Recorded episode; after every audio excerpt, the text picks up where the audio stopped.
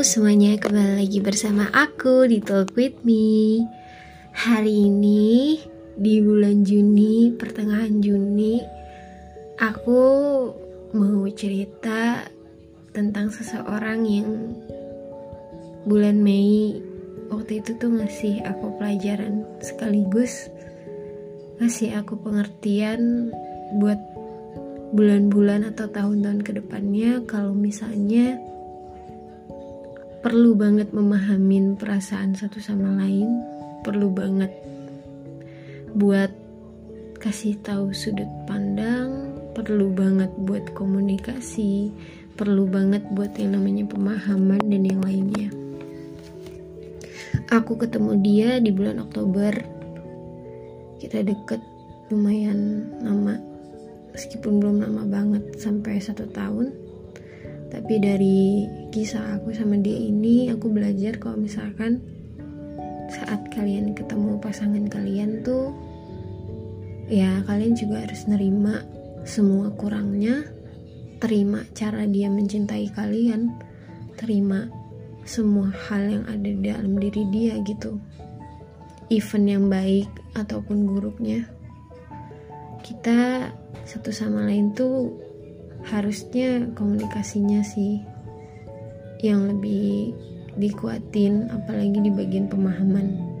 Karena kadang tuh komunikasi doang tuh nggak cukup buat bikin dua orang ini yang berbeda isi pemikiran ini bakal satu tujuan. Dan aku ngerasain hubungan yang kali ini kalau misalkan aku terlalu egois dalam hal apa pun dan aku merasa aku toksik untuk dia. Dan aku mau minta maaf banget sama dia kalau misalkan aku diizinin sama Tuhan buat ketemu lagi sama dia. Um, rasanya campur aduk. Kayak di saat lo lebih milih me time tanpa ada kabar dia, notif dia dan yang lain-lainnya dan lo mutusin buat mikirin lebih prioritasin diri lo sendiri. Di situ lo banyak belajar kalau misalnya gak semuanya tentang dia tuh hal buruk. Gak semuanya yang lo pikirin itu buruk. Apalagi lo lo dulu tuh suka netting suka overthinking kalau misalkan dia kayak gini dia kayak gitu. Padahal mah dia nggak pernah ngelakuin itu sama sekali. Dan gue belajar juga di hubungan sebelumnya kalau misalnya lo percayain aja pasangan lo. Lo percayain pasangan lo tuh nggak ngapa-ngapain di belakang lo. Urusan nantinya dia mau ngapa-ngapain ya udah itu urusan dia sama Tuhan. Dan mau perlakuan dia kayak gimana pun ya udah terima kan itu dia. Dan kita sendiri juga samanya kita berperilaku seperti ini dan dia menerima kita ya kita juga harus menerima dia. Itu sih yang jadi miskomunikasi dan gue berharap buat kalian yang denger jangan ngelakuin hal yang kayak tadi gue egois merasa gue nggak diperhatiin gue nggak diperjuangin gue nggak dipeduliin. Padahal mah dia sendiri pun pasangan sendiri itu pun naro gue itu di skala prioritas dia. Tapi tanpa gue sadarin dengan ego gue dengan keegoisan gue gue ngerasa dia lebih utamain yang lain daripada gue padahal bagi dia tuh gue prioritas utamanya dia. Perlunya juga dari pasangan satunya tuh komunikasi gitu loh. Kalau seandainya kedua pasangan ini terbuka tentang apa yang dia rasain mungkin perpisahan untuk kedua kalinya itu nggak terjadi lagi sekarang. Dan hati gue masih ngerasa sakit karena gue nggak bilang sejujurnya apa yang gue rasain waktu pas pertama kali ketemu dia. Padahal di situ sebenarnya gue tinggal bilang kalau misalkan gue masih sayang sama lo gue masih pengen bareng-bareng gue masih pengen perjuangin ini gue masih pengen perbaikin ini. Tapi gengsi dan ego gue tuh nomor satu waktu itu. Jadi perasaan gue kalah dan akhirnya gue nyesel sendiri sampai sekarang kalau misalkan gue belum bilang itu sama dia? Meskipun beberapa kali sempat bilang di chat kan beda ya feelnya bilang langsung sama di chat. Dan jujur aja pas first meet sama dia tuh beneran ngerasain rasanya di treat dengan love language-nya. Dia punya love language physical touch dan gue words of affirmation dan itu bertolak belakang sih tapi setelah hubungan gue sama dia selesai tuh gue menyadari kalau misalkan nggak melulu love language yang sama tuh bakal happy ending atau bakal bahagia gitu. Kadang kita perlu mencintai cara pasangan kita mencintai kita. Dengan begitu kita selalu ngerasa cukup dan nggak bakal nyuruh pasangan kita untuk berubah jadi kayak gini kayak gitu dan pasangan kita tetap jadi dirinya dia sendiri dengan caranya dia sendiri buat sayang sama kita. Dia dulu juga sempat bilang kayak gini aku cuek bukan berarti aku nggak sayang. Dan aku, dan gue sendiri telat buat memahami arti kata itu. Cuek bagi gue tuh kesannya jahat waktu itu. Kayak gimana ya dia kenapa sama pacar sendiri dingin kayak gini tapi kenapa sama orang lain tuh kayak ya udah. Dan gue tuh dulu mikir kayak ya udah kenapa gue harus jadi pacar? Kalau misalnya juga gue dicuekin. Tapi kayak semenjak kita pisah waktu itu temennya dia yang dia dulu sering curhatin tentang gue di temennya itu bilang sebenarnya tuh dia tuh nyesel nyuekin gue. Dia nyesel udah hilang-hilangan dari gue. Tapi dia itu nggak pernah jujur sama gue. Pasangan gue yang dulu tuh nggak jujur sama gue tentang hal itu. Ya sih posisinya ya gimana bisa mau jujur orang udahan waktu itu. Dan itu kesalahan kita berdua sih bukan salah di gue aja bukan salah di dia aja ternyata satu sama lainnya juga nggak terbuka. Dan pas first meetnya itu juga gue pertama kali ngerasain di treat kayak pacar yang sebenarnya gitu. Karena terakhir gue pacaran itu udah lumayan lama. Dan itu gue nggak ngerasain rasanya di treat kayak gitu. Karena masing-masing orang itu punya cara treat yang beda-beda. Tapi gue tuh belum pernah ngerasain hal kayak gitu dari orang yang gue sayang. Dan itu gue rasain pertama kali di dia.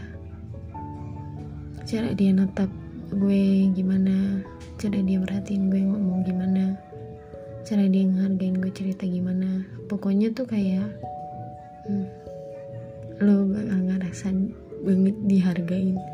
Karena sejauh ini tuh gue karena tuh sejauh ini gue menjalin hubungan tuh belum pernah yang namanya pasangan gue tuh natap gue segitunya. Dalam artian kalaupun misalnya memang suka pasti ditatap dong. Tapi ini lebih ke ngehargain lawan bicara gitu loh. Jarang dulu tuh gue nemuin kayak gitu. And then pas ketemu tuh baru gue ngerasain kayak love language-nya dia buat sayang sama gue tuh kayak gini ya rasanya. Terus pas dia mulai melaksanakan tugas love language-nya kayak dinurunin injekan motornya dia selalu nyimak gue pas gue cerita even itu di motor sekalipun. Terus kali pertama gue digenggam sama dia maksudnya tangan gue bukan gue nya dan pas tangan gue digenggam sama dia rasanya kayak oh gini ya rasanya di rasanya pegangan tangan sama pacar sendiri. Ya walaupun konteksnya bukan pacar tapi ibaratnya orang yang disayang lah ya.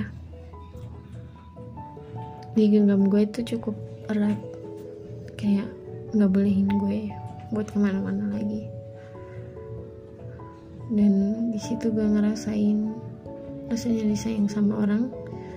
Meskipun ya waktu itu gue nggak tahu yang di hati dia yang hati yang di hati dia tuh masih gue atau enggak karena posisinya pas itu kita udah putus. Dan habis itu kita naik ride. Atau istilahnya hmm, jalan malam naik motor nah itu date yang gue impikan itu tuh udah wujud pertama kali di dia. Dan seneng. Sampai gue nggak bisa ngomong apa apa lagi cuman hmm, menikmati momennya aja. Tapi ada yang gue seselin sih kenapa gue nggak ngabadiin momen sama dia kalau gue tahu itu pertemuan gue sama dia yang terakhir? Sedih ya. Kenapa? Karena tuh gue nggak tahu ke depannya gue bakal bisa ketemu lagi atau enggak sama dia. Karena setelah itu ada terjadi perdebatan kecil dan bikin gue sama dia secanggung sekarang bahkan gue buat ngechat dia ataupun nanya kabar dia atau gimana pun gue sungkan banget. Gue nggak berani. Gue takut. Takut ganggu dia. Karena pilihan dia saat ini adalah dia pengen nata masa depan dia. Dia pengen fokus sama kerjaan yang baru dia gelutin. Dan dia nggak mau mikirin hal-hal yang musingin karena jujur li gue juga salah waktu itu. Karena gue selalu eh ya selalu chat intens dia. Kayak setiap hari. Beberapa jam gitu mungkin ya adalah fasenya di mana orang itu bosan kayak setiap hari. Kok di chat terus sih? Itu kesalahan gue juga sih. Kayak nggak seharusnya tuh gue ngelakuin hal kayak gitu. Harusnya gue juga kasih space-nya dia sebagai manusia space-nya dia sebagai anak dari orang tuanya space-nya dia sebagai pekerja space-nya dia sebagai adik dari kakaknya. Yang di mana sekarang dia tinggal sama kakaknya di kota yang sama bareng gue. Karena waktu pas pacaran dulu kita LDR dan sekarang dia udah pindah di kota yang sama sama gue. Dan kalau misalkan dia denger podcast ini gue mau bilang sama dia gue minta maaf ya buat semua yang terjadi yang bikin lo nyalain diri sendiri. Padahal itu bukan salah lo sepenuhnya. Hmm, dan mungkin gue agak relate sama perkataan ibunya. Kalau misalkan ibunya tuh sempet nggak setuju gue sama dia. Ya sebenarnya ibunya ada benernya juga sih. Jangan mau sama gue. Bahkan gue sendiri tuh kadang kayak bingung sama diri sendiri gitu loh. Dan untuk sekarang baik gue ataupun dia milih buat masing-masing. Milih buat ya udah lo jalanin cerita lo gue jalanin cerita gue. Kita berada di tempat yang sama tapi dengan arah dan jalan yang beda hati-hati di jalan ya. Jangan lupa buat bersyukur. Tidur yang tenang juga. Kalau malam maksudnya tidur tenang tuh kayak tidur nyenyak. Gak usah mikirin pikiran yang bikin kacau. Padahal sebenarnya sih nggak bisa ya. Gue juga sendiri sendiri nggak bisa buat kayak gitu tapi gue pengen lihat dia happy. Gue pengen lihat dia seneng. Gue pengen lihat dia bahagia karena dia anak baik. Meskipun dia selalu menganggap dirinya dia nggak baik padahal dia baik. Dan gue bangga sih sama dia. Kayak dari progresnya dia pindah ke ke satu kota yang sama sama gue tuh kayaknya nggak mudah. Terlebih lagi dia tuh waktu terakhir waktu pas telepon di bulan April itu dia ngerasa capek di kotanya dan gak sakit di kotanya. Dan dengan harapan dia pindah gue bisa meluk dia gue bisa jadi rumah bagi dia gue bisa ada buat dia tapi ternyata gue malah tambahin beban buat dia dan itu kesalahan gue juga. Dan gue mulai pelan-pelan buat maafin diri gue sendiri juga. Maafin kesalahan dia juga maafin semua yang ada di hubungan gue sama dia. Semuanya bakal baik-baik aja kalau misalkan kita udah damai sama semuanya. Dan mungkin itu aja yang mau aku ceritain. Agak sedih ya. Juni ini banyak hujan. Banyak juga ujian. Banyak juga perasaan yang nggak tahu ke mana jalannya. Banyak juga hati dan kepala pikiran yang bingung harus ke mana jalannya. Semoga keadaan selalu membaik ke depannya dan buat kalian yang dengar juga jangan pernah nyerah kalau misalkan kalian lagi sayang sama orang dan kalian sama-sama sayang. Jangan pernah nyerah buat berjuang buat hubungan kalian. Karena apa yang ditakdirin buat kalian tuh gak bakal pernah salah gak bakal pernah ketukar tapi kalau misalkan udah kalian berjuang berbagai cara tapi ternyata hasilnya nihil terima aja. Ikhlasin pelan-pelan sabar. Karena gue yakin Tuhan bakal ngasih yang lebih baik dari sebelumnya. Tuhan itu tahu mana yang terbaik buat lo. Terima kasih udah dengar cerita sedih gue di bulan Juni. Selamat menempuh perjalanan yang lebih menantang lagi ke depannya karena kita nggak tahu ke depannya apa yang terjadi. Dan sekarang udah hujan jam 3 sore. Terima kasih udah dengerin podcast gue. Jangan capek buat jadi orang baik. Jangan lupa dengar episode-episode podcast gue yang lain. Karena bakal ke depannya gue bakal mungkin perbaikin semua podcast podcast gue dan mulai opening dan closing kayak gimana. Terima kasih semuanya. Have a great day. Dadah